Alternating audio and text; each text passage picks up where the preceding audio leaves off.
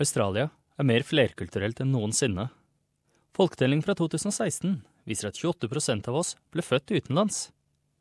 Men antallet av oss som lærer språk, faller, og skoler har færre språkklasser enn tidligere. Og dette trass i at fordelene ved tospråklighet er bevist. Unge australiere mister interessen i fremmedspråk. Bare 12% av dagens videregående-elever lærer et språk, en betydelig nedgang fra 40% på 1960-tallet.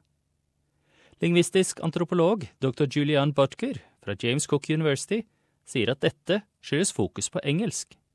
I think the problem is that the predominant culture in Australia is an Anglo culture. It is a, a, white culture, and they speak English, Australian English. So there has been a certain disregard towards other languages and uh, demand as well for these um, immigrants to adapt to English and uh, learn English. And also there has been a decision, I think, on, on, on the side of immigrants to abandon their own languages and uh, only speak English with their children. So that contributes to it as well. Dr. Bodker sier at australiere kan dra stor nytte av å lære et fremmedspråk. That is simply a window to another culture, a window to another way of thinking, and they need to be able to adapt to other ways of thinking as we are becoming increasingly globalized. Dr. Butler sier det også er helsemessige fordeler. From a neurological perspective, there's also some evidence that being bilingual actually increases the plasticity of the brain. And with that, it makes it also easier for individuals to be more flexible in adapting to new learning tasks and new challenges. And this is basically also what we need nowadays in, in today's demanding world. Folketelling fra 2016 viser at 27 av australierne snakker et annet språk enn engelsk hjemme. Dr. Suana Eisenclass fra Griffith University spesialiserer seg på læring av språk og flerspråklighet. Hun sier at når barn begynner på skolen, blir deres hjemmespråk svekket. We have about 300 languages spoken in Australia, and this is not counting Aboriginal languages. Then we have monolinguals coming to university, and we expect them in three years to become fluent in language. And on the other hand, the children who could be the true bilinguals in the country end up losing the minority language unless the parents maintain the language at home.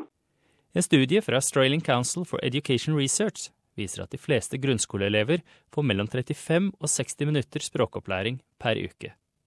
Dr. Susanne Eichenclass sier australske skoler må tildele flere timer til språkopplæring. One hour is nothing. We come from other countries and we know how difficult it is to achieve a good level of proficiency. If there was a good commitment and the children were, were taught languages, let's say three, four hours a week, this would start making a difference. Dr. Eichenclass sier foreldre også kan hjelpe barna til å bli tospråklige ved å skape et engasjerende miljø. Do everything possible to keep the language going at home and maybe organize playgroups so the kids can interact with other children in a very informal way. So it's not a punishment that here comes the weekend I have to go to yet another school and study Chinese. Maybe doing activities that are integrated but are seen as more fun. Frem til 1. september feirer SBS Kjærlighet for språk med sin nasjonale språkkonkurranse, eller SBS National Languages Competition. Alle språkelever er invitert til å sende inn en videomelding om hva å lære et språk betyr for deg. Finn ut mer på www.sbs.com.au nlc 17. Denne saken var laget av Amy Chin Yu Wang på SBS norsk. Jeg er Frank Mathisen.